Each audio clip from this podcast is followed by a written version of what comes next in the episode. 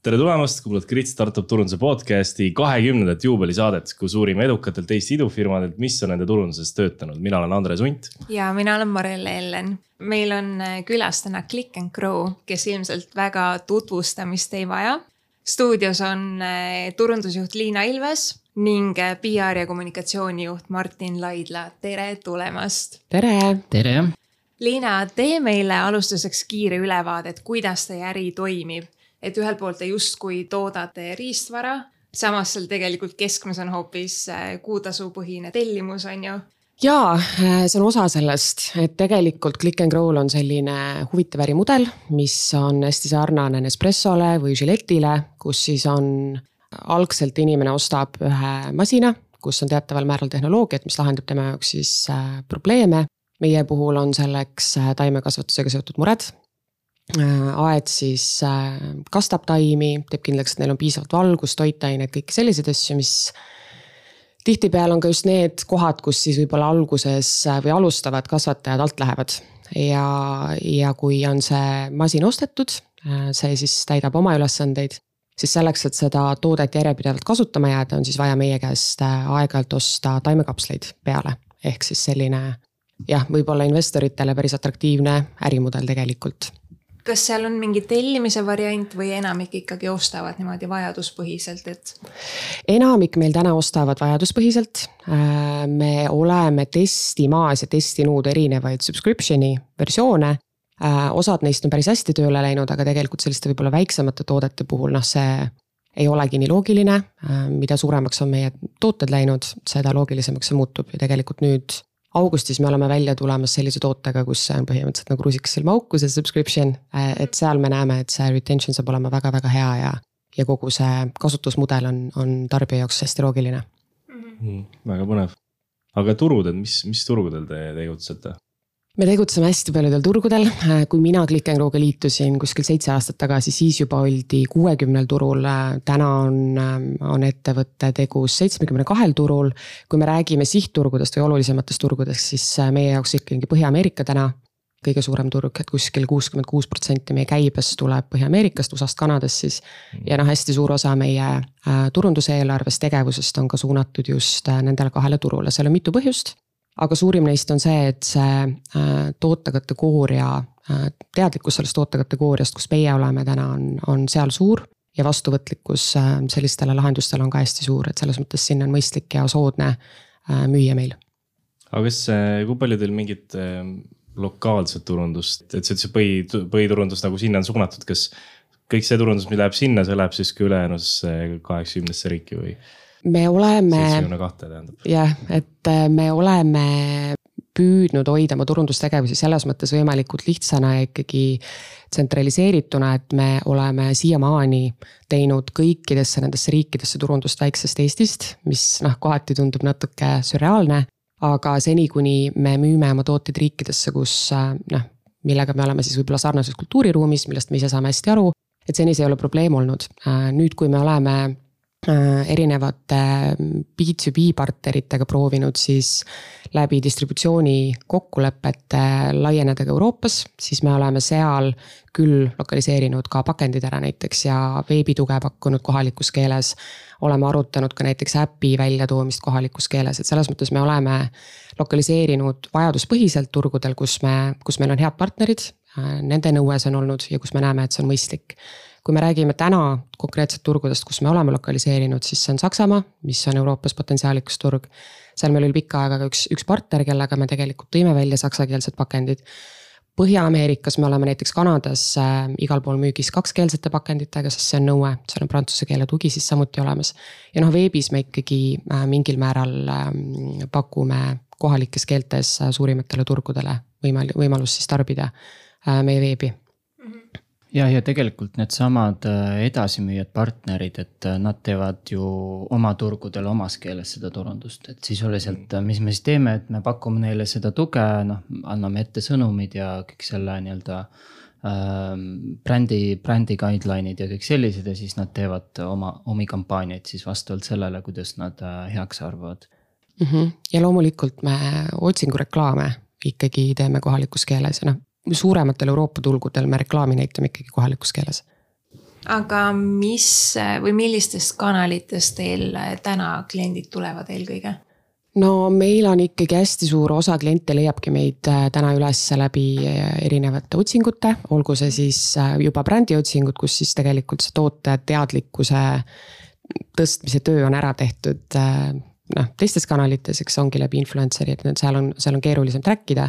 ja siis erinevad kategooria otsingusõnad nagu noh, põhimõtteliselt me siis teeme kindlaks, et me tuleme välja otsingutele ja kus inimene on indikeerinud probleemi, mida meie toode tema jaoks lahendab. näiteks ma ei tea, growing basil at home või indoor garden, mis iganes siis on, on relevantne, millele meie toode siis suudab kohe äh, inimese jaoks lahenduse pakkuda. et see töötab väga hästi. SEO-s te ikkagi keskendute inglisekeelsetele otsingutele? sada protsenti jah. Mhm. okei okay,, et siis on otsingud, nii, mis kanalitest veel kliendid tulevad? Äh, no siis on affiliate turundus hästi suur kanal ikkagi meie jaoks, aga noh, sinna me jõuame, sellest saab Martin natuke täpsemalt rääkida. tasuline reklaam väljaspool ka siis otsingut on, on päris suur kanal, kus meid avastatakse, aga seal võib-olla see müügihetk tuleb natukene hiljem, et seal on vaja ikkagi päris palju neid liide soojendada. kus kohas siis see tasuline reklaam toimub? Meie teeme Google'is, me teeme Facebookis, Instagramis peamiselt, me oleme testinud ka teisi platvorme nagu näiteks Pinterest, TikTok, aga seal üllatuslikult noh, Pinterest meie puhul näiteks ei töötanud, kuigi meil on ülivisuaalne toode ja me näeme, et. et inimesed ikkagi reageerivad sellele pildile, videole päris äh, suure entusiasmiga, et see oli, oli huvitav.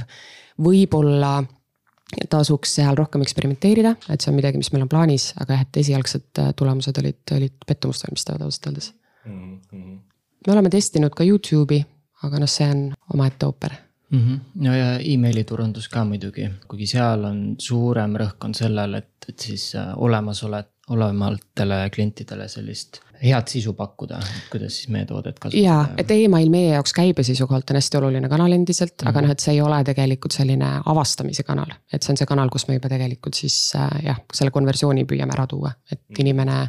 meie emaili listi saab juba siis, kui ta tegelikult on meid kuskilt üles leidnud. okei okay aga siis hakkame järjest minema siis, et äh, alustame siis sellest affiliate äh, turundusest, et äh, mis on sihuke. see on vist nüüd teema, mida ei ole meil varem siin saates räägitud, nii et äh,, nii et see nüüd kõlab nagu väga, väga huvitavalt, et kuidas see affiliate turundus nagu üldiselt teil, teil, teil toimib, kuidas see tsükkel välja näeb? mm -hmm.. Affiliate turunduse all on meil sisuliselt saaks rääkida nagu sellisest kolmest erinevast äh, suunast, et üks on äh,, on nüüd influencer itega koostöö, et see on tegelikult äh, üks asi siis, mis noh. Influencer itega tegime varem nagu eraldi justkui tööd äh, ja, ja nüüd ta läheb rohkem sinna affiliate turunduse alla ka äh,. ja see on selline üleüldisem trend ka tegelikult maailmas, et, äh, et, et influencer ite turunduse juures on pikalt selline noh, kas just probleem, aga selline murekoht olnud või kitsaskoht, et kuidas siis täpsemalt seda ühe influencer'i mõju enda ettevõtte äh, käibele siis kuidagi atributeerida või aru saada, et, et kas sealt siis tuleb midagi või ei tule, on ju.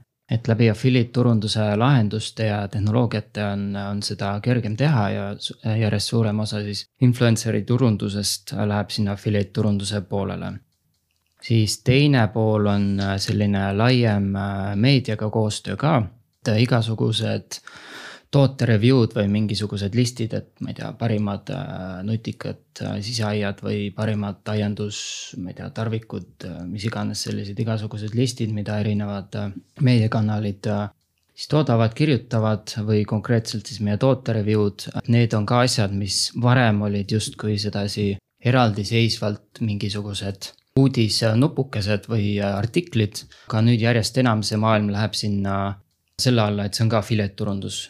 see on väga, väga sihuke suur äh, trend, äh, mis, mis, mis sai alguse noh, tegelikult juba üsna kaua aega tagasi, aga, aga üks suur, üks suur tõukaja oli see, kui kaks tuhat üheksateist aasta lõpus siis äh, suur meediakanal, online meediakanal BuzzFeed avaldas et, et kakskümmend protsenti nende käibest tuleb sellest, et nad panevad üles liste toodetest ja siis inimesed lähevad, klikivad selle, noh, seal on mingi tekst selle toote kohta, on ju, ja siis inimesed lähevad, klikivad selle toote lehele, ostavad toote ära ja siis saab see BuzzFeed endale mingi noh, kümme, viisteist, kakskümmend protsenti sellest käibest. et siis avastati, et ohoo, äh, suur probleem äh, meediaväljaannete jaoks on nagu noh, saab lahenduse, et äh, reklaamimüük nii hästi enam ei toimi, on ju, aga nüüd saame seda teha, on ju, ja siis väga suured meediamajad on järjest hakanud oma seda nii-öelda igasuguste toodete review'de või noh, tegelikult mis iganes, ma ei tea, artikli sa saad mõelda välja mingisuguse toote kohta,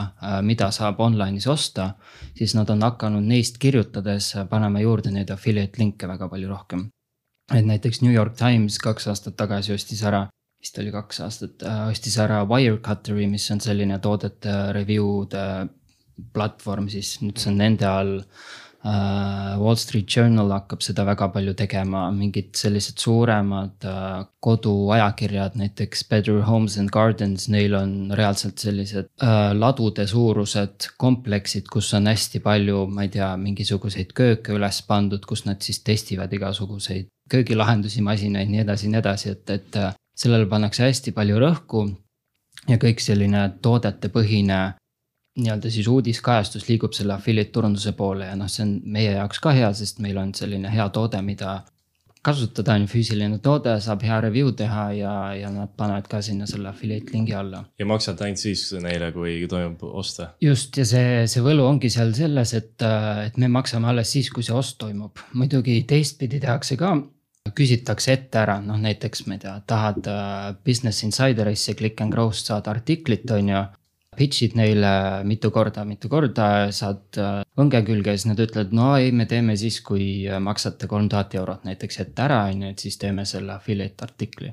aga noh, tegelikult veits imelik on seal see, et ühed inimesed samast ettevõttest, samast äh, meediamajast siis ütlevad, et makske nagu ette ära, aga siis võib noh, järgmisel päeval tulla mingilt teiselt toimetajalt täpselt samast ruumist kiri, et oi, tahaks teie toodet testida, on ju, et noh, lihtsalt saada mulle see. et seal on ka nende meediamajade sees on nagu, see teema on üsna uus äh, ja, ja ühelt poolt siis jah, üritatakse nagu enne juba saada raha, on ju, mitte lihtsalt selle affiliate äh, commission'i kaudu, aga teistpidi on ka väga palju neid, kes lihtsalt tahavad mingeid tooteid testida mm, -hmm. mille osas nad arvavad, et saaks väga palju käivet seal kaks asja, mis ma tahaks Martinile lisaks öelda, on see, et affiliate idega on tegelikult võimalik töötada kahte moodi. et meie oleme valinud sellise commission siis käibelt mudeli, aga sul on võimalik põhimõtteliselt affiliate idega töötada ka näiteks ja maksta neile juba sellest, kui nad sulle lihtsalt liiklust veebivad et kliki eest hästi paljud online, ma ei tea, kasiinod ja muud sellised äh, ettevõtted tegelikult niimoodi tegutsevadki. see oli üks asi äh, ja teine asi on see, et, äh, et kui rääkida meediamajadest konkreetselt, siis noh, tihtipeale, kui nad pakuvad sulle sellise võimaluse välja, et ma ei tea, kolm tuhat dollarit commit'i teeme ühe kampaania, kui nad näevad ikkagi, et sa suudad seda toodet liigutada läbi nende artiklite, et siis sealt edasi on neil juba endal huvi järjepidevalt sind promoda, et meil on mõned partnerid, kes tegelikult töötavad ekstreemselt hästi. ja mis on oluline, on ka see, et tihtipeale need väljaanded on ülihästi äh,, tulevad välja Google'is sinu jaoks relevantsetele keyword idele, nad ongi põhimõtteliselt Google'i esimesel lehel esimene-teine hitt pärast reklaami. ja kui sa oled seal positiivselt välja toodud, siis sul on pidev liiklus sealt mm -hmm. ja noh, see ikkagi mõjutab su avastatavust päris, päris arvestatavalt, et meie näiteks olemegi võtnud sellise suuna, et, et korra kuskil kahe kuu jooksul me käime läbi, guugeldame enda jaoks olulised keyword'id, vaatame, kuidas see teatud regioonis, kuidas me välja tuleme, milline meie discoverability sealtpoolt siis on. Ja kui sinna on ilmunud mingisugused uued lingid, kus meie ei ole väljas, siis me võtame ühendust nendega, enamasti need on kõik affiliate äh, lingid seal. et äh, me võtame ühendust nende meediamajadega ja teeme kindlaks, et me saame nendesse, nendesse listidesse, et see tegelikult võimaldab päris kulu optimaalselt äh, kasvada ma mõtlen, et see on siis nagu nad natukene söövad ära turgu nendel blogidel, kes muidu avaldasid mingi top five mm -hmm. software's mm -hmm. põhimõtteliselt võtavad neilt nagu ära seda mm, -hmm. sest nende ju domeeni ranking on kindlalt kõrgem mm. -hmm. aga, aga kui nüüd, kui nüüd alustada nagu, et, et ma nüüd tahaks alustada selle meediamajadega affiliate turundusega, sest see tundub minu meelest nagu geniaalne asi, et sa maksad ainult siis, kui saad ja, ja mingi suur meediamaja teeb sinust mingi artikli et, et kuhu ja kelle poole peaks siis pöörduma, et, et nad ei küsiks mult seda kolm tuhat eurot ette ja nii edasi?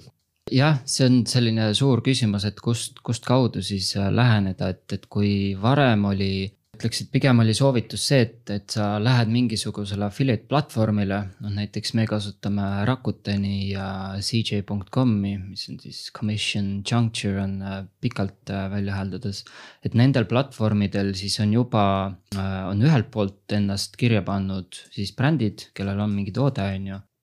ja teiselt poolt on siis need igasugused meediaorganisatsioonid ja seal sa saad siis, seal sa saad näha, kes noh, mis nende kontaktandmed on, on ju, et kelle poole pöörduda. sa saad teha otsepakkumisi neile, noh näiteks, et ma ei tea, lähedki Business Insideri poole, ütled, et teeme nii, et ma annan sulle kakskümmend viis protsenti commission'it on ju, kui, mis on väga hea, noh üsna kõrge commission. annan sulle kakskümmend viis protsenti, kui artikli avaldad ja noh, siis hoian seda mingi aasta jooksul on ju äh, nii kõrgel ja pärast vaatame edasi, on ju, et kui, kui hästi meil see koostöö läheb. Et saab erinevaid selliseid pakkumisi teha sisuliselt siis nii, et sa alustad väga, väga suure präänikuga on ju, noh ütledki et, kakskümmend viis protsenti on see, noh enamasti selliste füüsiliste toodete, mingi tehnoloogiatoodete puhul on. on see pigem sihuke kümme, viisteist protsenti, mis, mis meediamajadele antakse, aga mõnikord on ka kakskümmend ja kakskümmend viis, kui selliseid pakkumisi teha, et neid nii-öelda meelitada enda juurde Mm, okei okay,, et üks taktika on minna kohe panna, pakkuda rohkem nagu.. just jah, nagu, et pakkuda rohkem, on ju, ja noh, seal on muidugi ka hea, kui sa saad juba mingisuguse näite tuua, on ju, et, et näete, et selle partneriga meil on niimoodi läinud, on ju. noh, meil on üks hea asi, mis töötab, ongi üks, üks väga edukas äh, kampaania oli äh, New York Magazine'iga. et me saatsime neile lihtsalt oma kõige väiksema aia testimiseks Nad testisid seda, tegid noh, sihukese tavalise review artikli, siis nad ei olnud veel seda affiliate turundust nagu nii palju tegemas. Aga siis nad tegid ühe artikli, mille nimi oli vist mingi best indoor gardening uh, equipment for all your needs või midagi sellist. Ja seal oli mingi kaheksa erinevat asja, noh mingi kõblas oli on ju sihuke ja siis oli meie, meie aed ka ja see artikkel äh, oli siis nagu meie kaudu affiliate lingiga seotud, et läks meie kodulehele ja see artikkel siis muutus seo mõttes Google'i otsingus üliheaks, et see oli äh, nii äh, indoor gardening märksõnadega väga kõrgel, noh esimesel lehel mingi top nelja seas kohe, kui ka gardening märksõnaga hästi kõrgel. ja, ja sealt tuligi ühe aasta jooksul tuli äh, sealt meile käivet kolmsada viiskümmend tuhat eurot no lihtsalt ühest artiklist selle kaudu, et, et me saatsime neile enda aia üks hetk on ju. ja rääkisime, et noh, võiks selle kuskile listi panna. see oli noh, selline hästi hea näide ja siis saab sedasama näidet, noh sellist head näidet tuua teistele ka, et noh. tervist, The Verge, me tahaksime teha mingit sellist äh, head review'd meie toote kohta. pange affiliate link ka sisse. mis seal on nüüd hea asi kogu selle puhul, et see affiliate turundus on nagu järjest rohkem pead tõstmas äh, nii-öelda tavameedia artiklite puhul on ka see, et, et sa saad seda tuua nagu sellise selling point'ina äh, lihtsalt üleüldse artikli tegemise jaoks, on ju, et. varem oli lihtsalt rääkisid tootest, on ju, see on nii hea selles ja selles ja selles on ju, ja siis ajakirjanik mõtles, et noh, kas teha või mitte. nüüd on seal otsustajate juures on nii see ajakirjanik on ju, kes mõtleb seda sisu poolt kui ka siis see nii-öelda äriline suund, kes siis äh, mõtleb, et oo, et noh, see tundub selline toode, mis nagu müüks hästi ja tooks neile tulu ka.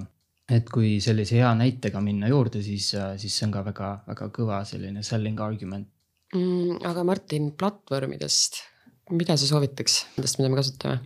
platvormidest nüüd see Rakuten on väga hea, Rakuteniga on see, et äh, nad on peamiselt USA turul hästi suured, Euroopas ma ei tea, kas nüüd, äh, kui palju nad on saa-, seal nii-öelda hakkama saanud, neil oli see, et kui see GDPR tuli peale, neil olid noh, see, kuidas see nende platvorm on üles ehitatud, on, äh, on väga selline andmeid, väga paljusid andmeid kasutav, noh näiteks, et Rakuteni platvormi puhul ainulaadsena on see, et kui sa näiteks loed telefonist mingit artiklit noh ja lähed näiteks Click n Grow lehele on ju, seal artiklis oli Click n Grow'st kirjas, lähed meie lehele ja ostu ei tee veel ega midagi. aga lähed näiteks kolmkümmend päeva hiljem lähed lihtsalt trükid clickandgrow.com ost- äh,, kodulehe sisse. siis ta saab aru, et seesama inimene oli kuu aega tagasi, luges telefonis seda artiklit ja nüüd ta läks lihtsalt äh, enda arvutiga äh, veebibrauserist läks ja ostis, siis ta saab ikka seda commission'it. ehk et seal on nagu erinevate äh, platvormide ja mis on siis nagu telefoni ja arvuti vaheline see atributeerimislink on nagu olemas, mida enamikel teistel sellistel affiliate platvormidel ei ole. või noh, teistel ei olegi minu arust veel mitte kellelgi.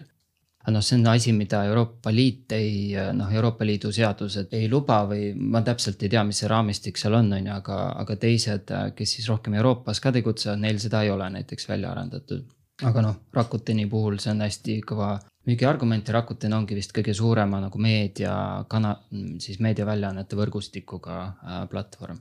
seesama cj.com ehk siis cj.com äh, on ka päris hea platvorm, seal on ka üsna palju üsna palju erinevaid võimalusi, neil on nüüd viimastel aastatel on mingisuguseid selliseid probleeme teenusega veidi olnud, nad osteti äh, uue ettevõtte poolt ära, aga nüüd vist hakkab paremini neil minema jälle. Ja üks hea platvorm veel, mida me ise ei ole kasutanud, aga ma tean, et on ka võrdväärselt hea, on Avin ehk siis A2 siis VIN äh, .com, äh, et nad on ka selline suur platvorm, kus on palju meediaväljaandeid mm. -hmm siit võib-olla tegelikult loogiline jätk mingis mõttes olekski rääkida ka influencer turundusest meie puhul, sest tegelikult ka me influencer itega töötame sisuliselt äh, commission'i loogikat kasutades, et noh, me majasiseselt võib-olla defineerimegi neid tegelikult sellise kolmanda affiliate äh, partneri tüübina.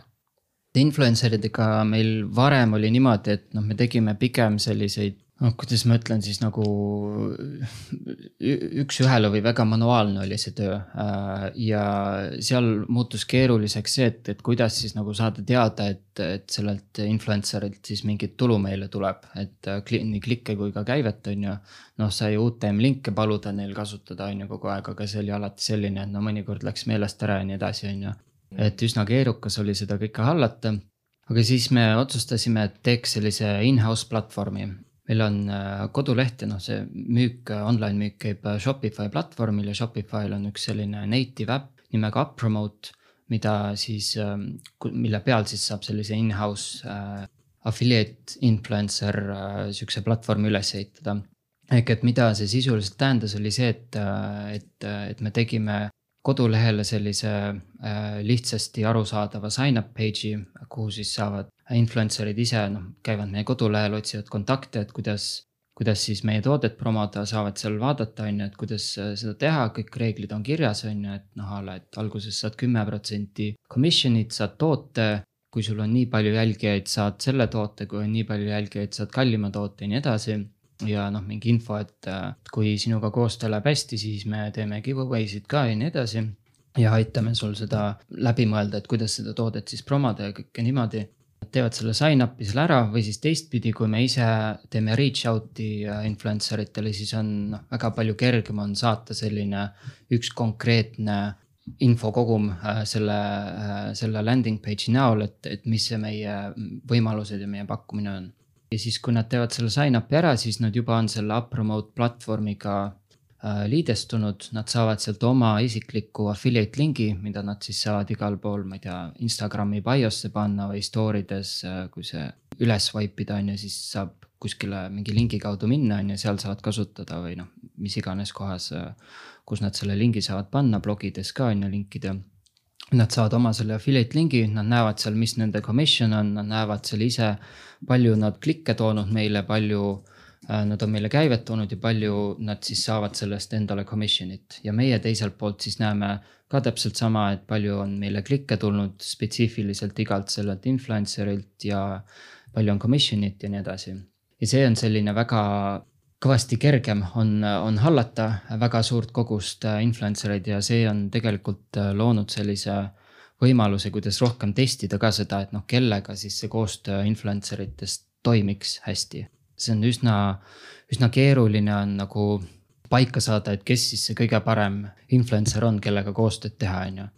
Räägitakse, et, et sellised mikro ja nano influencer'id on väga äh, head engagement'i tõstmiseks ja noh, nende kaudu saab äh, väga tulusalt siis teha influencer marketing'i, aga nende puhul on alati see probleem, et noh kui sul on üks suur influencer, siis teda on üks, on ju, kui sul on äh, neid nano influencer'id palju, siis neid on kakskümmend, on ju, ja noh, nende haldamine on hästi keeruline. seal, seal platvormil on see kerge ja seal siis saab äh,, kuna neid on seal palju, siis seal saab teemade järgi testida, et mis valdkonna influencer'id kõige paremini äh, käivet toovad ja klikke toovad. ehk siis mhm. ta toimib niimoodi autonoom-, suhteliselt autonoomselt, et influencer leiab selle, sign up ib jagab ise oma linki ja teie temaga nagu suhtlema otseselt no, ei pea. seal on ikkagi nagu suhtlust ka, et noh, seal on äh, võib-olla see meie toote eripära veidike ka juures, et äh, ta ei ole selline noh, mingi keskmine ilutoode on ju, et noh, saad aru, et see on mingi lipgloss ja sa tead, kuidas kasutada seda on ju, või noh, mingisugune ülikerge toode, et seal. seal on nagu mingeid juhiseid peab ikkagi andma ja nagu kätt veidi hoidma, et noh, kuidas su aed siis kasvab, on ju, kas kõik on korras ja nii edasi, on ju mhm võib-olla ma lihtsalt avaks natuke seda tausta, et kuidas me üldse selle süsteemini jõudsime, et tegelikult kui Click n Grow oli aastal kaks tuhat viisteist äh, Y Combinatoris. siis samas lennus Click n Grow'ga oli ka mitu influencer ähm, platvormi, tegelikult siis alles sellised automatiseerit- või influencer'iga koostöö automatiseerituse pakkujaid oli väga-väga vähe, see oli hästi uus asi alles siis äh, noh, sotsiaalmeediaturundus kui selline oli, oli loomulikult olemas, aga põhimõtteliselt, kuidas monetiseerida seda kõike ja kuidas automatiseerida jah, koostööd brändi ja influencer'i vahel, et seal need lahendused alles hakkasid tulema. ma mäletan, meiega olid samas lennus äh, üks tegijatest oli Famebit, teine oli Grapevine ma ei ole kindel, kas noh, minu arust Grapevine kindlasti täna enam ei tegutse, aga võib-olla Famebit veel mingil kujul tegutseb aga need platvormid olid üliuued ja siis me tegelikult testisime ka sellist noh, ütleme võib-olla tavalisemat äh, koostöövormi influencer itega, kus sa siis äh, teedki upfront kampaania makse neile, äh, lepite kokku kampaania tingimustes. loomulikult sa annad neile ka tag itud lingi, et sa saaksid aru, palju sealt liiklust, müüki ja kõike muud tuleb, aga noh, et sul on see esialgne commitment ikkagi noh, päris suur ja tollel hetkel, kuna see oli päris uus asi, siis see ei olnud Äh, päris suur, ma mäletan, me saime ligipääsu äh, Youtube eritele, kellel oli seal neli-viis miljonit jälgijat ja see kampaania maksis kaheksa tuhat dollarit äkki. et noh, täna eh, on need summad ikkagi väga-väga teistsugused ja mingil hetkel, kui, kui neid tegijaid või pakkujaid hakkas rohkem tulema, äh, siis me nägimegi, et et äh, noh, see tegevus läheb päris kalliks ja tegelikult sa ei saa võib-olla sellises lühikeses aknas ka olla kindel, et sul on seal positiivne ROI alati. lihtsalt sellepärast, et nagu Martin ka ütles, et, et sa pead natuke sõeluma, osad, osad influencer'id töötavad sinu jaoks väga-väga hästi. osad võivad olla väga suure jälgijaskonnaga justkui, aga näiteks engagement on, on äh, madal või on, ei ole lihtsalt fit'i sinu toote ja nende vahel et selles mõttes äh, noh, mingil hetkel me ikkagi nägime, et see ei ole väga kuluefektiivne viis investeerida raha. ja siis me mõtlesime, et kuna meil on tegelikult selline toode, et meil on endal influencer ite outreach päris suur, inimesed kirjutavad meile, nad tahavad seda testida mingil hetkel me saatsimegi neile lihtsalt demo tooteid, meil ei olnud otseselt mingisuguseid suuri kokkuleppeid, loomulikult me palusime, et, et noh, kui sulle meeldib ja, ja sa saad siit väärtust, siis postita ja jaga, seda ka tehti. aga siis me mõtlesime, et kuidas seda ikkagi teha mõlemale poolele kasulikuks ja noh, see ongi ülihea viis olnud meie jaoks tegelikult influencer itega töötada. me oleme ikkagi siin ka näinud seda, et noh, kehtib Pareto printsiip, kus sul põhimõtteliselt kakskümmend protsenti toob kaheksakümmend protsenti käibest. ja jällegi, et siin on oluline, oluline just see, et tiim ise õpib kogu aeg, saab aru, millised influencer'id töötavad, mis need, mis nende eripärad on ja põhimõtteliselt siis hakkab paljundama äh, sarnase profiiliga influencer eid, et niimoodi sa ehitad sisuliselt üles sellise hästi mõistliku kasvumootori enda jaoks, et see on meie jaoks äh, küllaltki uus programm ikkagi veel. ma tahaks siinkohal kindlasti välja tuua inimese nimega Enelin Paas, kes on aidanud meil tegelikult seda kõike üles ehitada, et väga-väga soovitame. kui kellelgi on samasugused ambitsioonid kasutada, kasutada tema agentuuri teenuseid, et äh, on, on väärt seda raha mm. -hmm jah, agentuuri nimi on Digitarial siis, et äh, jah, nendega on see koostöö siis sisuliselt selline, et selle kogu selle in-house platvormi ülesehitamisel aitasin nad nagu välja töötada, nad olid seda varem teistel ettevõtetel ka teinud ja, ja noh, nüüd edaspidi see selline noh, igapäevane, iganädalane kommunikatsioon siis nende influencer itega ja just see outreach'i äh, siis otsustamine, noh meie poolt siis välja minev outreach, et, et kellele, kuhu saata, siis selle nii-öelda see andmete jälgimine täpsemalt ka, et mis valdkonna influencer'id siis äh, rohkem siis tulusad on, et seda, seda siis sellist praktilist igapäevast äh, tööd aitavad nad siis ka äh, teha. noh, see on jah, väga hästi töötanud, et kui noh, mingeid näiteid tuues, et näiteks enne, kui meil see in-house platvorm oli, siis noh, mingisugune suurem influencer, äh, Bruce Willise tütar Rumer Willis näiteks tahtis ka meie aeda, tegi seal mingeid postitusi, pani lingi juurde, no nagu väga midagi liiklust ei tulnud, on ju, kuigi no hästi lahe oli, on ju, et miljon jälgijat Instagramis ja nii edasi. aga noh, väga palju seal mingit tulu meile ei tulnud, on ju, nüüd on äh, selgunud in-house platvormi kasutades, testides, et mis töötab, on, äh, on siis mikrojänese influencer'id ehk siis mikro on see, et neil on väike account on ju, ja jänes on siis see, et nende sisu on jänkudest on ju Instagramis. Mis, see- mis mõttes nagu pildid jänestest. just ja, et pildid jänestest, et noh, siin mu jänku, noh, et nagu mingi jänese kaartest,. jäneseomanikud sisuliselt ja, ja siis noh, meie tootega nad kasvatavad värsket salatit oma jänesele. noh, jänese influencer'id on muidugi üks väike just, jah. grupp inimesi, et tegelikult ikkagi sellised elustiili, hästi tervisliku elu äh, pooldajad töötavad mm. -hmm. meie jaoks väga hästi. et, et see on võib-olla see kõige suurem kategooria, aga mm. -hmm. seal on jah, lemmikloomaomanikke ka päris, päris palju. ja et sealt ongi nagu noh, sihuke ei kujutagi ette, et sealt nii palju tuleks, et ühelt, kellel on siis äh, mingi umbes neli tuhat jälgijat Instagramis on ju äh,. Engagement igal postitusel on tal minimaalselt kakskümmend viis protsenti, mis on juba ise ulme, on ju. ja siis ta toob noh, iga nädal, kui ta postitab, siis on mingi viissada dollarit tuleb käivet meile on ju selliselt neljatuhandese following uga äh, kontolt on ju, et, et see on nagu sihuke haruldaselt hea fit on seal on ju. et, et need äh, jäneseomanikud tahavad kõige paremat salatit siis kasvatada oma lemmikloomale on ju. pluss see on nii äge nagu use case ka nagu Mhm. mida jagada või nagu Mhm. ma ei, isegi ei ole mõelnudki, et see on ka üks viis, kuidas seda click and grow toodet kasutada. just jah, jah. ja loomulikult ähm, noh, kogu see sisu, mida nad meie jaoks loovad, need postitused ja pildid, et me hiljem kasutame, kasutame neid materjale oma reklaamitegevuses ka, et äh, ei jõuaks ise kõiki neid use case'e võib-olla üles pildistada, aga influencer teeb sulle ülihea kvaliteediga tegelikult äh, user generated sisu mida sa saad siis kasutada kõigis oma tegevustes, me kasutame neid emailides, tõesti digireklaamides, igal pool mujal mm, -hmm. et see on üli hästi töötav süsteem selles mõttes. Mhm. jah, et see on meie, no meie toote puhul on see visuaalne pool just eriti oluline on ju, et ja mida see influencer'i turundus ka meie jaoks on nagu noh, ühelt küljelt muidugi, et, et tooks rohkem teadlikkust ja nii edasi ja käivet. Aga teistpidi just see user generated content on hästi oluline, et, et me saaksime näidata, kui paljud erinevad inimesed kasutavad, kuidas nad kasutavad seda toodet ja influencer ite kaudu on seda nagu väga selline tulus teha, et, et sa ei pea ise mingit suurt photoshoot'i planeerima, noh, ma ei tea, jäneseid kuskilt book ima on ju, kas. et, et seda tehakse, seda tehakse siis need kasutajad ise teevad, noh muidugi seal ei ole see, et kuna me ei maksa neile ette, siis me ei saa väga palju ka neile ette öelda, et tehke täpselt selline pilt, on ju. Mhm. väga lahe ja ma olen eh, mingi viis aastat selles valdkonnas olnud ja täna on päev, kus ma kuulen esimest korda sõna jänese influencer. väga tore.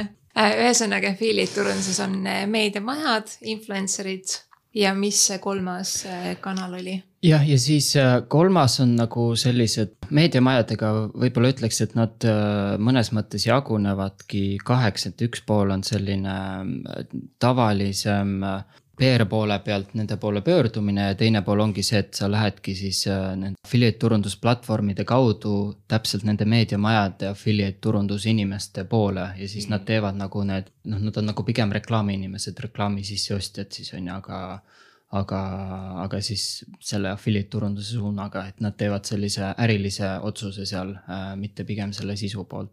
Ja noh, siis muidugi affiliate turunduses laiemalt on, see on selline ajalooliselt äh, üks, üks suurim suund on sellised igasugused kampaaniate ja promokoodide ja sellised erinevad saidid, et nendel me oleme ka, kuigi nende, neid tahaks nagu pigem rohkem piirata, sest seal on nagu keeruline neid mõnes mõttes ka hallata, et need on nagu väga selliseks automaatseks läinud, et a la kui me teeme mingisuguse allahindluskampaania, meil on mingi kood, siis inimesed, kes kasutavad seda koodi, lähevad meile kodulehele ja neil on olemas mingisuguse sooduskoodide platvormi mingi widget endal Chrome'i brauseris olemas, siis need widget'id võtavad need allahindluskoodid, mis oli ainult sellele inimesele mõeldud sisuliselt ja panevad need sinna platvormile automaatselt üles, et et see on nagu see pool, see on see asi, mis äh, muudab selliste platvormidega koostöö tegemise veidikene äh, riskantsemaks, aga teistpidi äh, erinevate selliste allahindluskampaaniatele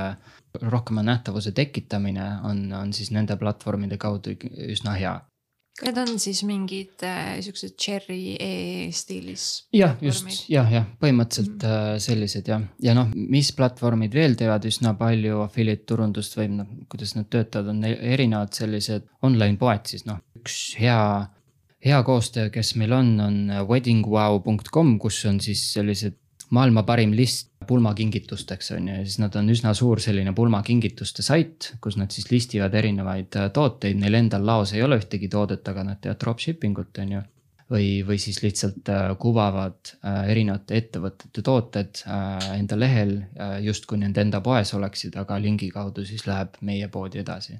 et sellised online poed, kellel endal kaupa sees ei ole, need teevad ka üsna palju seda affiliate turundust ja et meie ise pigem selliste allahindlussaitidega, nagu Martin ka ütles, töötame vähem ja mm. mida me veel oleme teinud, noh, et siin tuleb nagu mõelda niimoodi, et mille eest sa affiliate'ile maksad, tegelikult on see, et ta saadab sul veebi hästi kvalifitseeritud liiklust, millel on siis suur tõenäosus äh, konversioon sooritada, eks. Ja affiliate'id tuleb alati äh, sellest mõttemallist läbi lasta ja kui ikkagi on näha, et tegelikult nad seda ülesannet sinu jaoks ei täida, et siis tuleb lihtsalt välja praakida, näiteks kui äh, mina Click n Grow'ga liitusin, siis tegelikult mingil kujul juba affiliate turundus oli püsti pandud ja siis oli ähm, hästi palju kasutati allahindlussaite affiliate idena. ja sisuliselt nägi see välja niimoodi, et inimene guugeldas Click n Grow'd, tuli meie veebi, lisas oma tooted ostukorvi, siis ta nägi, et äh, checkout'is on äh, allahindluskoodi boks, läks guugeldas Click n Grow discount, võttis affiliate'i käest koodi ja sisuliselt me lihtsalt andsime marginaali ära äh, mitte millegi eest, eks et kui töötada allahindlusplatvormidega, noh, meie selliste cherry laadsetega tegelikult ei tööta, me töötame ainult sellistega, millel on põhimõtteliselt oma kinnine kogukond, kus nad siis reaalselt ka reklaami võtsid, näiteks USA-s on hästi suur honey.com, ma ei tea, neil on miljoneid ja miljoneid kasutajaid, seal on oma äpp seal on see ähm, brauseri extension, mille sa saad lisada, et selles mõttes ta ikkagi viskab neid koode ka mm, automaatselt sulle, kui sa oled teatud poodides, seal on cashback funktsioon ja kõik muud sellised asjad. aga ta ikkagi noh, on keskendunud pigem kvaliteetsetele high-end toodetele, et kui me valime ka neid allahindlussaite, siis me valime ainult sellised, mis nii-öelda loovad oma kasutajatele päris väärtust ja läbi selle ka tegelikult nendele brändidele päris väärtust. ja üks asi veel võib-olla, mida siin äh, lisada, on see, et, äh, et kõigil affiliate idel ei ole fixed commission fee protsent ilmselgelt. allahindlussaitidel on, on madalaim meediamajadel, kes väga hästi töötavad, on tihtipeale kõrgeim ja siis influencer ite puhul me vaatame selle põhjal, kes kui potentsiaalikas on ja kui hästi töötab, et loomulikult. Need, kes hästi töötavad, et seal me oleme nõus, nõus korralikult ka tasuma, et influencer'i aeg oleks hästi kasutatud mm -hmm. tema jaoks. ja et seal saabki selliseid äh, influencer ite äh, aktiveerimise kampaaniaid ka teha, et, et me saadame neile, kes meil selle in-house platvormil on, saadame uudiskirju välja ja seal saabki noh näiteks ütleme, et kui teete järgmise kolme kuu jooksul X summas käivet, siis te saate noh, mingi viis protsendipunkti seda commission'it juurde järgmiseks aastaks, on ju. Et selliseid aktiveerimiskampaaniaid saab väga erinevaid välja mõelda, mis siis sisuliselt seda affiliate'i aktiivsemaks muudaks ja rohkem tööle paneks meie mm -hmm. jaoks. ja meil on ikkagi affiliate, noh influencer'id, kes meiega teenivad igakuiselt ikkagi päris korralikke summasid, et kui kellelgi on huvi saada Click and Grow influencer'iks, siis äh, külastage meie veebi, täitke ära platvorm ähm,, vorm veebi äh, jaluses siis ja, ja võib-olla teie võite. võib saada rikkaks nagu.. võib-olla võib saada rikkaks, just kas me võiks siin rääkida numbritest ka natukene täpsemalt, et sa mainisid, et need protsendid on erinevad, et mis need vahemikud umbes on ja teie toode on keskmiselt sadakond eurot või rohkem? meie väikseim toode on jah, sada eurot, äh, suuruselt teine toode on kakssada kolmkümmend eurot ja suuremad tooted mm. juba on seal kuuesaja, kuuesajast ülesse. Ja ma mõtlen, see protsent ilmselt oleneb ka toote hinnast. üldiselt me maksame tegelikult ostukorvilt fixed protsenti ja allahindlussaitidel me, me üritame alguses nendega ikkagi lansseerida niimoodi, et kuskil viis kuni kaheksa protsenti ostukorvilt. nagu Martin ütles, siis sellised meediamajad, neile me oleme, noh, seesama The Strategist, kes mhm. on, äh, kes tõi meile kolmsada viiskümmend tuhat eurot käivet, et neile me oleme tõesti teatud kamp-, üldiselt neil on vist kakskümmend kaks protsenti, kui ma ei eksi, aga teatud kampaaniate raames. me oleme nõus maksma kakskümmend viis protsenti.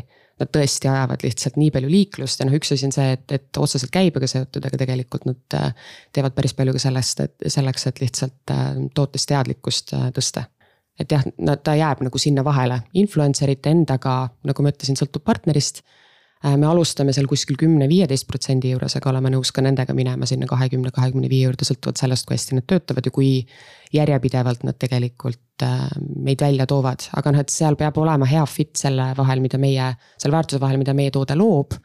ja selle vahel, mida influencer ise, kuidas tema elab, mida tema auditoorium võib-olla naudib ja, ja tahab vaadata, et jah, nende selliste partneritega on meil tekkinud hästi head järjepidevad äh, suhted, kus see reklaamitegevus tegelikult äh, influencer'i puhul on natuke isegi nagu noh, taustal.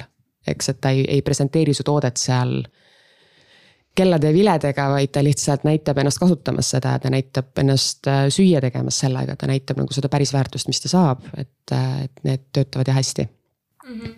Mm -hmm. liikudes edasi PR teemadega siis äh, kui me enne saadet äh, kõne tegime, siis te mainisite ka reklaame nendes USA suurtes teleshow des. Ähm, rääkige sellest mm. -hmm.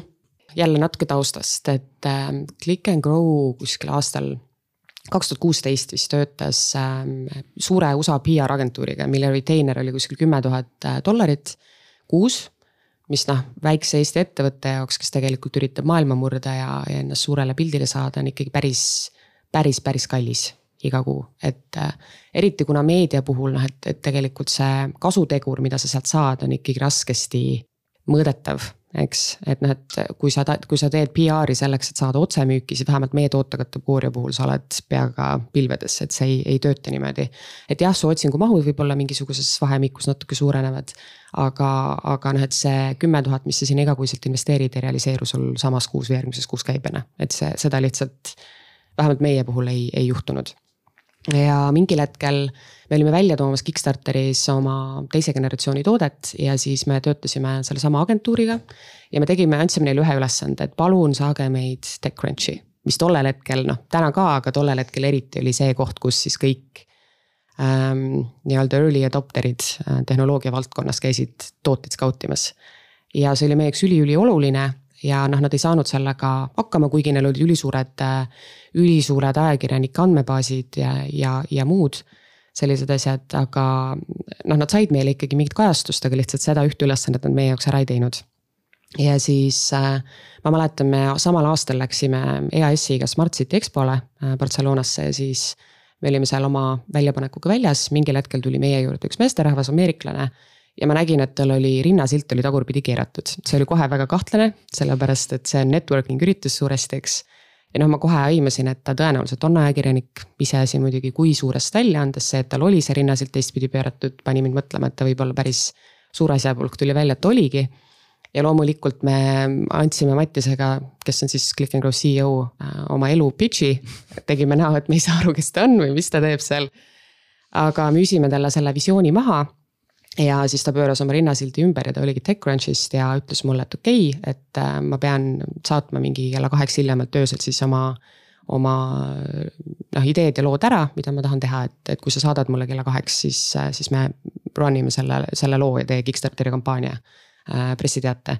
Ja noh, siis loomulikult pärast äh, kahte pokaali veini äh,, pärast rasket õhtut läksin ma hotellituppa ja, ja kirjutasin talle selle asja valmis ja siis see lugu tuli ka välja meil läks Kickstarteri kampaania paar päeva pärast seda laivi ja ja sealt tuli isegi tegelikult backereid, et see oli ülihea fit äh, selles mõttes, aga siis me saime aru, et. et jah, võib-olla PR agentuuriga töötada ei ole mõtet. ja tegelikult isegi Eestist, kui sa noh, käid maailmas ja oled aktiivne ise ja. ja usud sellesse, mida sa teed, et siis on võimalik äh, ikkagi päris suurtesse väljaannetesse saada ka ilma agentuurita. ja noh, Martin on siin teinud väga-väga head tööd, tema saab rääkida, rääkida sellest, aga kui me räägime konkreetselt äh, USA telesaadetest, siis noh, Eestist USA telesaatesse saada on väga raske, meie oleme olnud päris, päris suurtes. Äh, mitu korda Good Morning Americas, mis on äh, Ameerika, mis on meie sihtturg, siis suurim hommikutelesaade, kui ma ei eksi, siis seal on vist igas saates iga saate puhul on vaatajaid kuskil mingi kolme miljoni ringis, et see on hästi suur auditoorium, mille ette saada.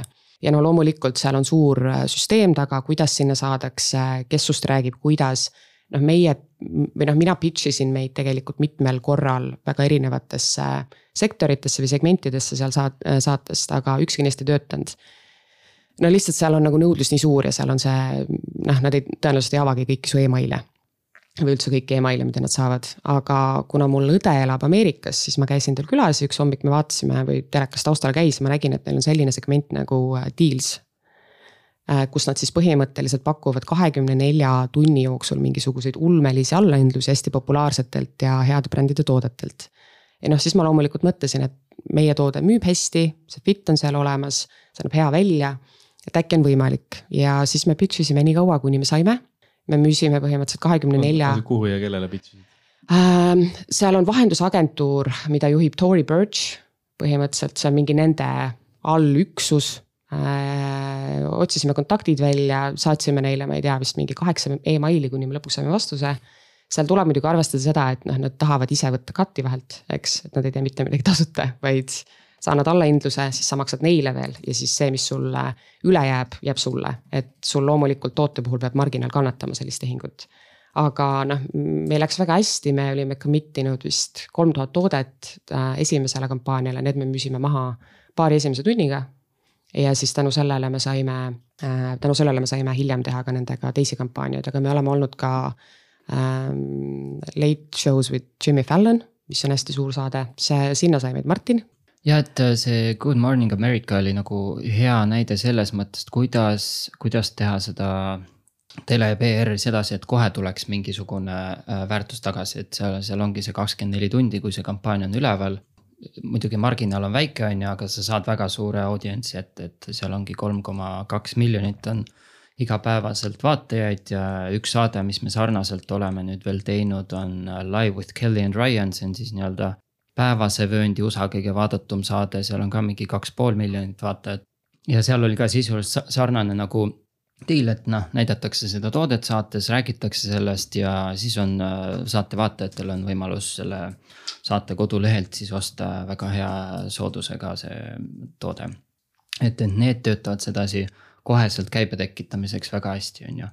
nagu Liina ütles, siis äh, see late night show with äh, Jimmy Fallon Äh, sinna äh, saime ka, seal muidugi oli see, et see saade ei tee mitte kunagi toodetele öö, otseselt reklaami, et see ei ole selline, et noh, näete, siin on nüüd click and grow ja minge ostma, on ju, vaid see on lihtsalt selline ülihea asi, mida igal pool hiljem öö, kirja panna, noh, ma ei tea, mingi investori tekki panna kirja või, või mingile muule väl, meediaväljaandele lähenedes öelda, et noh, me oleme seal ka olnud, et see on hästi sihuke kõva sõna, mida öelda ja mis, kuidas sinna saime, oli see, et äh, see algas vist oli lausa mingi kaheksa kuud oli see terve protsess, et algas hoopis teise telesaatega, äh, mille nimi oli This Old House ja see on siis USA-s sihuke kõige, kõige kauem kestnud ja vaadatum selline noh, nagu sihuke home improvement saade, et noh, veidi nagu nurgakivi, aga veidi rohkem selline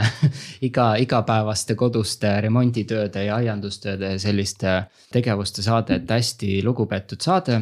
Ja siis nendega oli niimoodi, et äh, ma ei mäleta, et kumba pidi see oli, et kas nemad pöördusid meie poole või ma saatsin äh, lihtsalt mingi sellise väga laia pitch'i, et noh, see on meie toode ja siis nad olid üks neist. aga igatahes äh, noh, asi jõudis siis sinna, et nad tahtsid enda saates meie tooteid noh, siis näidata, et mis asi see indoor gardening on või mis, mis need click and grow aiad täpsemalt on, on ju. Ja saatsime toote ära, nad testisid seal tükk aega, väga pikk protsess oli ja selle jooksul siis on noh, kuna meie toode on selline keerulisem upkeep'iga, et see ei ole nagu selline, et ma ei tea, saadame arvuti ja inimesed teavad, mida sellega teha ja noh, tõenäoliselt ei lähe nagu katki ega midagi, on ju, et see on noh lihtsalt teatakse, kuidas kasutada, meie tootega on pigem see, et peab üsna palju kogu aeg follow-up'e tegema, et no kuidas siis nüüd need taimed kasvavad, kas on mingeid küsimusi, kas on mingeid muresid ja siis noh, tekibki küsimused, et a la. kasvatab seal tomatit on ju ja siis on noh, et kas peab tolmendama või mitte ja nii edasi, et selliseid. detailseid aiandusküsimusi tekib üsna palju, äh, ühelt poolt see on teeb sellise meediaga koostöö selliseks väga high maintenance'iks, teiselt poolt see annab väga hea võimaluse kogu aeg mingeid follow-up'e teha, on ju, et äh, kindlustada seda, et lõpuks see kajastus tuleks, on ju. üsna tihti kirjutasin, seletasin kõiki asju, mis, äh, mis selle toote laiemad äh, võimalused ja väärtused on ja mis me, mis see meie suurem visioon on ja nii edasi ja nii edasi. ja siis kogu seda aiandusinfot ja siis, kui nad olid seda saadet reaalselt salvestamas ja olid selle juba purki saanud, siis see produtsent ütles mulle, et teate, mul ei ole elu sees mitte ühegi et, teise ettevõttega olnud nii head koostööd ja mul ei olekski teine toode meeldinud nii palju kui see. et me, meil on võimalus aasta lõpus siis noh, seal oli mingi neli kuud aega saada Jimmy Falloni saatesse, sest me käime seal iga kolme aasta tagant, on ju mm.. ja siis ütles, et noh, et noh, kirjuta midagi valmis, et kuidas me seal siis võiksime olla selle tootega või kuidas see seal sobiks. Ja, siis oligi noh, pulss läks kohe lakke, on ju, et vau saabki sinna või? Ja siis, ja siis kirjutasingi nagu täpse skripti valmis, et kuidas siis seda toodet seal võiks näidata, on ju, mida Jimmy millalgi öelda võiks ja kes naerab millal ja nii edasi, on ju. ja siis seda pitch iti sinna saatesse ja ja noh, siis meeldis neile seal ja noh, seal oli ikkagi väga palju oli seda suhtlust, et sisuliselt enda jaoks oli nagu kõik täpselt selge, et mis seal siis hakkab saama ja nii edasi, on ju. aga noh, telega on alati see, et viimasel hetkel võib-olla öeldakse, et noh, ma ei tea mingi oluline uudis tuli ja me peame selle meelelahutusliku osa kärpima seal viie minuti võrra lühemaks ja teie toode ei jää sisse, on ju, et see on nagu alati lõpuks ikkagi see võimalus olemas. aga õnneks seal seda ei juhtunud ja noh, siis kui see saade eetrisse läks, on ju äh,. neli miljonit inimest siis vaatasid, kuidas Jimmy seal vett valab äh, meie aeda ja äh, sõi seal tomatit ja nii edasi, et see oli äh, sihuke hästi lahe hetk, aga aga seal... need naljad oligi nii, et sa kirjutasid talle ette siis enam-vähem. noh, et ja ma kirjutasin mingid, kuna ma olin seda saadet vaadanud suure fännina eelnevad kaks aastat, siis ma teadsin nagu noh, mis ta seal, kuidas täpselt teeb, on ju, ja siis noh, umbes, et ta võiks seda sellel hetkel tehes seda öelda ja nii edasi, on ju, et seal mm. peab nagu üsna selgelt. ja ta ju luges seda ja jälgis seda no nad tegid, need produtsendid tegid oma versiooni, on ju, aga et ütleme, Jimmy ei lugenud minu skripti et yeah. seda, seda seal ei olnud, aga produtsendid tegid oma versiooni siis sealt. seal on nagu see, et sa pead üsna telesse, sa pead üsna täpselt sellele produtsendile andma ettekujutuse, et mis siis sellel teleekraanil täpsemalt juhtuma hakkab ja kuidas see saavutada, et noh, seal on, üks on see, mis sa pildis näed ja teine on see, et siis mis seal kõik äh, taustal töötab, on ju, et äh, noh, a la, et, et kuna meie aed on nutiaed, kus on lamp, on ju, siis noh, et pange see pistiku, pistiku pessa niimoodi, et see nagu alguses ei ole lampi ja siis panevad sisse ja siis läheb lamp põlema, on ju, et, et näidata, et seal mingi tuli on, on ju. Mhm. kõik sellised asjad, et seal peab üsna palju ette näitama, et siis produtsendil tekiks mõte, et ahah, see on asi, mis võiks olla teostatav ja vaatajale huvitav aga see pitch imine telesaadetele on valdavalt läbi agentuuride no, või? pitch imine on just, et enamasti on see, et neil on mingisugused agentuurid või mingisugused promootorid, kelle kaudu siis see kõik äh, töötab. väga, väga lahe äh,. Kickstarter, ka üks teema, mis ei ole meil siin saates äh, kunagi, kunagi kõlanud. Te olete vist kõik oma uued tooted olete Kickstarterist lansseerinud, et äh, mis see taust seal on, miks te sinna olete läinud? no Click n Grow kokku on teinud kolm Kickstarteri kampaaniat, mina olen neist äh, vedanud kahte. esimest vedas, kui ma ei eksi, Andrus Purde. esimene kampaania oli üliedukas, müüdi vist üle kümne tuhande ühiku ja, ja noh, siis oli see toode ikkagi täielik innovatsioon, et mitte keegi ei olnud mitte kunagi midagi sellist näinud. See kontseptsioon tundus ka natukene ulmeline ja noh, sinna oli lihtsalt vaja nähtavust peale ja, ja inimesed loomulikult tulid ja proovisid ja noh, see toode oli siis ka väga-väga soodne et äh, sealt see kõik sai alguse ja, ja noh, sealt saadi siis ettevõtte sees ka aru, et see on päris huvitav viis tegelikult rahastada uute toodete väljatoomist. ja seejärel tundus loogiline põhimõtteliselt kohe, enne kui sa juba tootmisesse investeerid, testida ära toote kontseptsioon platvormil Kickstarter. ja siis äh, tuligi teise generatsiooni toode ja nüüd äh, eelmisel aastal tuli ka seesama Click n Grow kakskümmend viis, millest ma rääkisin seal välja. ja noh, kokku nende viimase kahe kampaaniaga on ettevõte tõstnud umbes miljon dollarit ja selle eest on siis rahastatud nende toodete tootmist, et äh, kui on vähegi võimalik, tegelikult kui olete hardware äris ja ei ole päris kindel, kuhu ja kas seda nõudlust võiks olla, siis see on päris hea platvorm, kus testida oma toote kontseptsioone mm. -hmm. mida tuleb kindlasti teada, on see, et kui sa tahad Eestist Kickstarterit teha, siis sul peab olema USA kodakondsusega inimene, kes siis peab selle registratsiooni seal tegema, et äh, Kickstarter vähemalt Äh, selle ajani, kui meie nüüd tegime, võib-olla nad on tänaseks seda muutnud, aga põhimõtteliselt eelmisel aastal veel oli sul vaja jah, et kui, kui sa tahad USA-s Kickstarteri kampaaniat teha, siis sul peab selle kampaania kontaktisik olema inimene, kellel on kohalik isikukood. et mhm. see on üks asi, mis paneb juba teatava piirangu peale. Aga kuidas, kuidas see turunduskampaania seal ähm, teie puhul välja nägi ja kuidas, kuidas see oli üles ehitatud? Üldiselt võib öelda niimoodi, et Kickstarteri kampaania ettevalmistamisel platvormi esindajad ise soovitavad varuda kuskil kuus kuud minimaalselt. meile sellist luksust ei ole antud, meie oleme oma tegevused pidanud ära tegema kahe-kolme kuuga, aga kuna ettevõttel on teatav kogemus, noh siis see ei ole kunagi olnud äh,, olnud äh, teostamatu. kui te teete esimest korda seda, siis tasuks kindlasti varuda viis-kuus kuud vähemalt või, või kui teil tekib plaan, et siis kohe hakata, hakata tegutsema seal on oluline teada seda, et Kickstarteri kampaania tavaliselt on, töötab uukujuliselt. ehk siis sul on suur piik alguses, kui see välja tuleb, sellepärast et sa saadad ise sinna hästi palju liiklust peale. kui sa saadad ise sinna liiklust peale, siis ka lehe enda algoritmid hakkavad sind nendes kategooriates esile tõstma, siis sul tuleb nähtavus ja siis tegelikult juba sa oled lihtsasti avastatav ka sealt siis mingil hetkel sul tekib selline platoo lihtsalt sellepärast, et see ei ole enam kõige uuem asi, tulevad uued asjad peale ja nii edasi. ja lõpus siis, kui sul on noh, tavaliselt sa pead endale siis seadma kampaania kestuse, mis on kõige populaarsem on kolmkümmend päeva. tehakse ka nelikümmend viis, kuuskümmend, meie oleme teinud kolmkümmend ja soovitaks ka seda teha, et see on hea fokusseeritud aeg. Äh, sul on lihtsam oma kulusid kontrolli all hoida ja sul on põhimõtteliselt lihtsam ka oma tiimi hoida ühe projekti juures selle ajaühiku sees ja jah, siis lõpus põhimõtteliselt jälle, kui sul on jäänud seal, ma ei tea, kaksteist kuni kakskümmend neli tundi kampaania lõpuni, siis sa jälle jõuad seal ähm, nende enda lehel kuhugi, ma ei tea, ending soon Äh, esiotsa tõstetakse sind esile ja siis sul põhimõtteliselt tulevad jälle, tuleb selline hästi-hästi tugev lõpp, aga selleks, et need kõik asjad, mida ma just rääkisin, realiseeruksid, selleks on kriitiliselt oluline see, et kui sa kampaaniaga laivi lähed, et sa saadad sinna suure hulga liiklust peale. et näiteks, kui te teetegi mingi füüsilise toote kavatsete välja tuua, noh, miks mitte ka tegelikult tarkvara, mis iganes muud.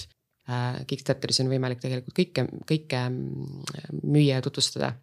et siis äh, soovitaks hästi võimalikult ruttu hakata endale enda andmebaasi koguma, et teha landing page'id valmis, hakata rääkima oma tootest, sul ei pea isegi mitte midagi valmis olema, aga lihtsalt põhimõtteliselt hakata liide koguma. Äh, selleks, et, et kui sul on lõpuks võimalik see asi nüüd panna eelostmiseks siis äh, lehele välja, et siis sa saadad sinna ka enda poolt hästi palju liiklust peale, et selleks, et Kickstarter äh, teeks oma maagiat ja põhimõtteliselt sulle siis oma auditooriumit pakuks, selleks sa pead kõigepealt oma auditooriumi Kickstarterile ka pakkuma aga kuidas, kus seda liiklust on äh, sa sinna mõisteks saata? no meil on hästi suur emaili andmebaas, eks, ja meil on tegelikult ka see, et meie enda äh, kliendid tihtipeale tahavad osta meie uue, uue generatsiooni tooteid ka, et kui sa juba ühe mm. toote ostad ja me anname neile teada, et sul, et meil on välja tulemas näiteks uus, suurem, mis iganes äh, innovaatilisem versioon sellest tootest, et siis meie saame kasutada juba olemasolevat auditooriumit. eks, et meie emaili baas on täna sada viiskümmend tuhat inimest see on päris arvestatav hulk. ja noh, seal, kui sa ikkagi ütled, et nüüd sul on Kickstarteri kampaania laivis, siis see äh, jah, väga suur hulk liiklust suudab, suudame me niimoodi mobiliseerida okei okay., ja mis, kus te veel kampaaniat ütleme levitate, kus, kust veel see nagu, mis on veel turundustegevused siuksed? no meie oleme, me tavaliselt ütleme lisaks äh, sellele, et enda olemasolevat klienti soojendada, siis me oleme kogunud liide ka väljaspool enda olemasolevat kliendibaasi, noh, see on ju eesmärk ka, kui sa uue toote välja tood tegelikult, et siis su tervik, ettevõte tervikuna kasvaks, selleks on sul alati vaja uusi, uusi huvilisi. Me oleme seal lähenenud põhimõtteliselt kahte moodi, et me teeme selliseid soojenduskampaaniaid, kus me ka äh, siis eesmärgiks on koguda emaili liide, et äh, otsimegi inimesi võib-olla ma ei tea, lookalike audience'e kasutades meie olemasolevast äh, kliendibaasist äh, või siis mingite väga konkreetsete otsingute järgi äh,. kui me teame, et see toode, ma ei tea, growing salad at home, eks me põhimõtteliselt näitame siis sellele juba reklaami, kogume, äh, kogume liide andmebaasi ja siis neist on meil eraldi list ja noh, siis loomulikult enne kampaaniat ja kampaania enda ajal teed ka digireklaami. ja siis suunad selle liikluse juba Kickstarteri lehele, eks. seal me oleme küll kasutanud tegelikult äh, agentuure, mis on midagi, mida me muidu ei tee, hästi palju turundusfunktsioonid on meil in-house, me omame nagu seda teavet ja know-how'd enamike funktsioonide osas ikkagi majas sees, aga jah, Kickstarteri puhul me oleme kasutanud äh, agentuure, mis spetsialiseeruvad just ühisrahastusplatvormi või äh, kampaaniate toetamisele et see on seetõttu, et neil on endal hästi tugevad kliendisegmendid juba või noh, põhimõtteliselt reklaami siis äh, auditooriumid, kellele, kes ongi suure tõenäosusega early adopter'id ja kes väga tihti back ivad erinevaid Kickstarteri ähm, projekte. meie oleme töötanud sellise agentuuriga nagu Yellop mõlemal korral ja nendega sa maksad loomulikult siis reklaamitegevuse kulu ise ja siis nemad võtavad vahelt, kui ma ei eksi, äkki kümme protsenti, aga ainult sellelt käibelt, mida nemad konkreetselt toovad, et see on ka, noh, sa maksad ainult selle eest tõesti, mida sa saad mm. Mm.. aga sa mainisid landing page'i, ehm, mis on veel mingid siuksed nagu materjalid turunduses, mis, mis tuleks toota? no suur-suur õudusunenägu kindlasti on video tootmine, et eh, mm. see tuleb teha ülikorralikult. tegelikult, kui sa tahad, noh, seal on nii palju best practice eid, sul, sa saad need kõik Kickstarteril endal on kokku pandud ülipõhjalik ülevaade sellest, mis töötab, mis ei tööta, need kõik materjalid on sulle ligipääsetavad, kui sa tahad kampaaniat teha ja siis on lihtsalt küsimus selles, et kuidas seda teostada, mis su enda brändikeel on. ülihästi töötavad igasugused humoorikad kampaaniad, eks humoorikad videod, neid jagatakse väga palju. et kui sa võib-olla teed esimest korda kampaaniat ja, ja see läheb su sellise üldise, ma ei tea, toote ja brändikeelega kokku, siis see on kindlasti midagi, mida tasuks approach ida, et sealt sa saad lihtsalt seda, seda reach'i läbi jagamiste. aga no meie puhul meil on ikkagi nagu tehnoloogiat täis toode, et siis sellise nagu huumoriga lüüa võib-olla ei ole alati olnud kõige sobivam, aga me oleme teinud mõlemal korral väga kvaliteetsed videod ja noh, seda tõestab ka see, et need kampaaniad on väga hästi töötanud. ja kuna meil on need kampaaniad nii hästi läinud, siis tegelikult me saame ka tänu sellele otse töötada Kickstarteri enda esindajatega, et meil on sealt suhteliselt kõrgel kohtadel olevad account manager'id, kes noh, tõesti toetavad ja ja aitavad ja push ivad ja aitavad reklaamile kaasa ja nii edasi, et see on ka hästi suur tugi olnud, et Kickstarter see, see võrgustik, mis nad on loonud selle platvormi ümber ikkagi hoiab loojat väga palju mm.. ja mis, mis oli teie Kickstarteri kampaania eelarve oh.?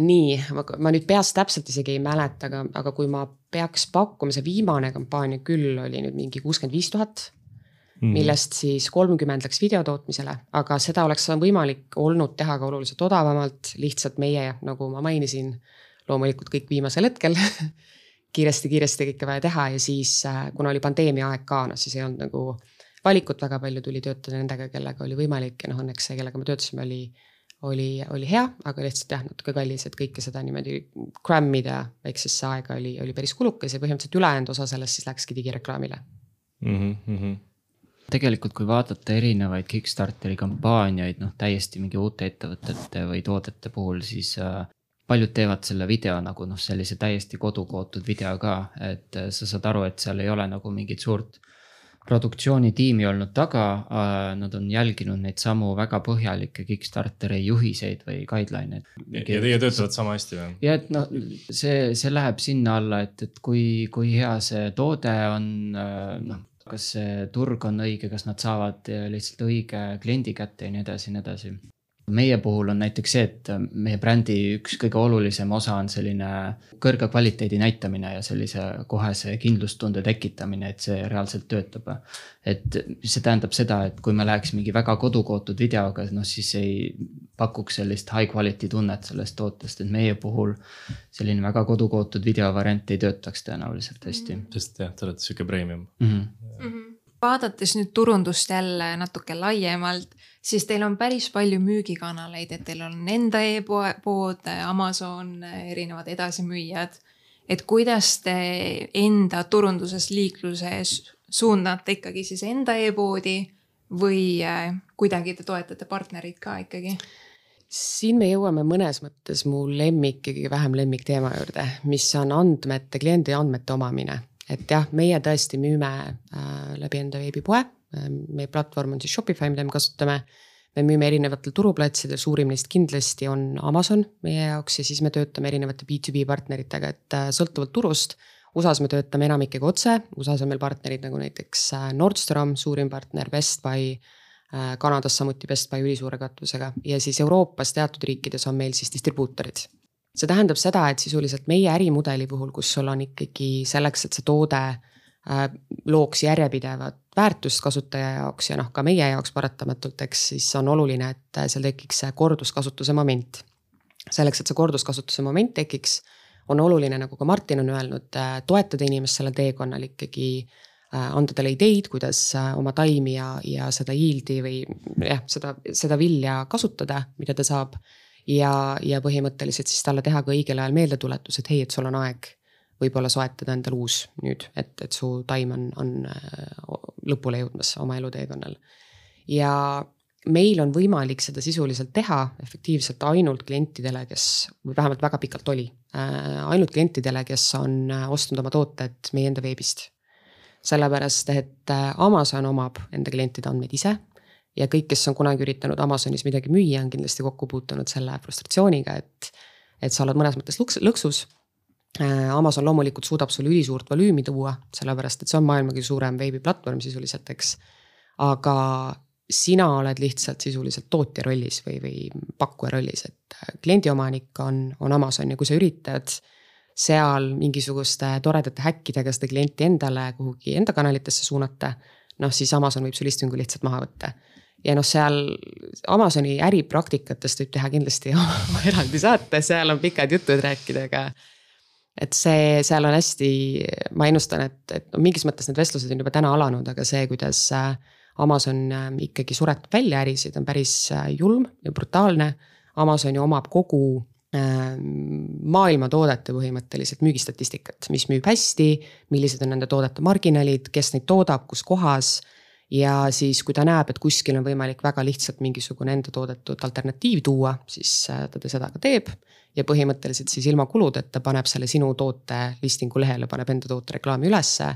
müüb selle mõne sent odavamalt ja, ja niimoodi on sündinud Amazon Basics tooteliin näiteks, mida nad teevad aga et mitte liiga kibestunult Amazonist rääkida, siis äh, tulles tagasi, äh, tulles tagasi su küsimuse juurde, et siis äh, meie suuname täna just sel põhjusel, et, et kliendi andmete omamine on meie jaoks prioriteet ja loomulikult ka marginaali küsimused. suuname enamiku liiklusest ikkagi enda veebi et noh, meie kogu digieelarve läheb liikluse suunamiseks enda veebi, välja arvatud siis konkreetselt see osa, mida me kasutame Amazoni platvormi sees reklaami tegemisele tegemiseks, aga noh, et, et kui me räägime siin inimene otsib indoor garden, siis me mitte kunagi ei, ei pane sinna reklaami taha Amazoni linki. ja noh, me oleme proovinud äh, selleks, et meie ärimudelit toetada, kuna meil ikkagi tegelikult hästi suur hulk tooteid liiguvad välja nendest kanalitest, kus me kliendi andmeid ei oma, noh lisaks Amazonile, nagu ma ütlesin, siis ka B2B partnerid, eks, et siis. Äh, et me oleme pikalt maadelnud või mõelnud, kuidas need inimesed ikkagi enda võrgustikku tagasi saada me häkkisime või proovisime mingil hetkel häkkida Amazoni platvormi enda sees, siis meid delistiti, siis meid listiti tagasi. Äh, noh, kuna Amazonist ikkagi tuleb arvestada käive, siis need on päris riskantsed asjad. Aga siis me tõime mingil hetkel välja Click n Grow äpi ja me sidusime selle äpi äh, mingil määral siis garantiiga tootele. me panime selle äpi info pakendile ja noh, see pakend on igal pool sama nii et kui inimene ostab Amazonist oma toote, tal on seal QR kood, mis suunab teda alla laadima meie äppi. kus me siis mitte ainult ei anna talle elutsükli jooksul toetavat infot ja ideid, mida oma taimedega teha, vaid tegelikult ka siis äh, ütleme talle millal on aeg taimi vahetada ja saame põhimõtteliselt kõik need andmed endale, et noh, mingis mõttes me panime läbi selle selle augu kinni. see äpp vajab kindlasti väga palju arendust veel, et ta on küllaltki selline äh, lihtsake veel, aga meil on ideid ülipalju ja kui see visioon lõpuks realiseerub, siis ma arvan, et see toote ja teenuse kvaliteet, mida Click n Go pakub, on ikkagi midagi juba, juba hoopis, hoopis järgmist. aga jah, et, et see on see, kuidas meie sisuliselt äh, Amazonilt kliendid tagasi oleme, oleme saanud. Mm,. väga hea, väga lahe. Mina olen küll tänasest saatest väga palju uusi asju teada saanud, nii et äh, aitäh. Ma küsin äh, teilt mõlemalt lõppu siit äh, ka ühe turundus või kommunikatsioonialase raamatu, podcast'i või blogisoovituse, et kus siis veel edasi õppida no ma soovitaks ühte podcast'i nimega Spin Sucks, see on selline mm, PR ja noh, seal on sellist content marketing'i ka, aga peamiselt kommunikatsiooni teemaline, sellised hästi head lühikesed kümne-viieteist minutilised saated, kus siis võetakse mingi üks väike äh, konkreetne PR või kommunikatsiooni või brändingu teema ette. Ja seal on niimoodi, et see on juba aastaid käinud ja seal soovitan eriti uutel turundajatel, et võtke esimesest saatest alates, ta lähebki sisuliselt seal sellise brändi ja kommunikatsiooni ehitamise loogikat mööda äh, täitsa alustaladest kuni väga detailsete äh, teadmisteni läheb välja, et seda on hea väga hea kuulata nii alustavatel äh, turundajatel, kommunikatsiooniinimestel kui ka, kui ka neil siis, kes, kes võib-olla tahavad mingites teemades mälu värskendada või meeldetuletusi saada mm. -hmm mina soovitaks üli basic asja iseenesest, aga see ei ole, see ei ole nagu otseselt turundusfunktsioonidega seotud või turundustegevusega niivõrd seotud, kui rohkem võib-olla ettevõtlusega ja noh, tegelikult hea turundaja ikkagi peab mõtlema nagu ettevõtja nagunii nii et selles mõttes, äh, selles mõttes ma soovitaks Tim Ferrise blogi, kus käib, äh, käivad külas siis mitte ainult maailma suurimad ja parimad mõtlejad, vaid ka mm, üliedukad ettevõtjad. seal on teemad alates investeerimisest, mis on ka, kui sa tegelikult töötad idufirmas, oluline asi, millest aru saada. Äh, milliste näitajate peale, millised investorite tüübid on, on nõus sulle raha andma või su edu või äri, äriedu siis toetama seal on teemad äh, ettevõtlusest endast, kuidas on kasvatada võimalik ettevõtet kiiresti, võib-olla väikse eelarvega, noh, seal sõltub sellest, kes see külaline on. aga seal on ka tihtipeale sellised üldinimlikud teemad ja noh, tema puhul on hea see, et ta on tõesti tõenäoliselt podcast'i võrgustikus üks, üks parimaid intervjueerijaid. et võimeline väga sügavale minema ja küsima õigel hetkel küsimusi, mis on abivalmid ja tõesti suunama seda vestlust niimoodi, et, et peaaegu igast, igast ähm, saatest saab midagi ähm, praktilist ja kasulikku. kui ma võin, siis ma annaks ühe soovituse veel, see on raamatu soovitus, mis samamoodi ei jälgi üldse, ma ei, ei saanud üldse ülesandest pihta. et ma annaks raamatu soovituseks sellise raamatu nagu Susan Cain on, on teinud raamatu nimega Quiet mis tegelikult äh, räägib põhimõtteliselt minule väga hingelähedasest teemast, mis on introverdid juhtidena. et äh, soovitan kõigile, kes äh, võib-olla kahtlevad oma, ma ei tea, sobivuses selles hästi kohati ikkagi väga nõudlikus ja agressiivses keskkonnas, mida on äh, idufirmad, kus on kasv hästi oluline, et siis tegelikult ka introverdina teadus toetab seda, et, et iga Äh, et introvert võib olla samuti hea juht ja tihtipeale isegi tegelikult ähm, parem juht. Hmm.. väga hea, aitäh, aitäh teile, Liina ja Martin, et saite, saite tulla ja jagada ja rääkida meile, kuidas asjad käivad. ja aitäh, kes sa kuulasid teisel pool ja, ja ma loodan, et sa said kasulikke mõtteid, kui sa kuulad meid Spotify's, Google'i või Apple podcast'is, siis vajuta kindlasti subscribe nuppu, et sa kuuleksid esimesena, kuhu startup turundus liigub. Kuuleme järgmises osas, kus siin on järgmine huvitav startup turundaja, olge tublid ja edukat turundamist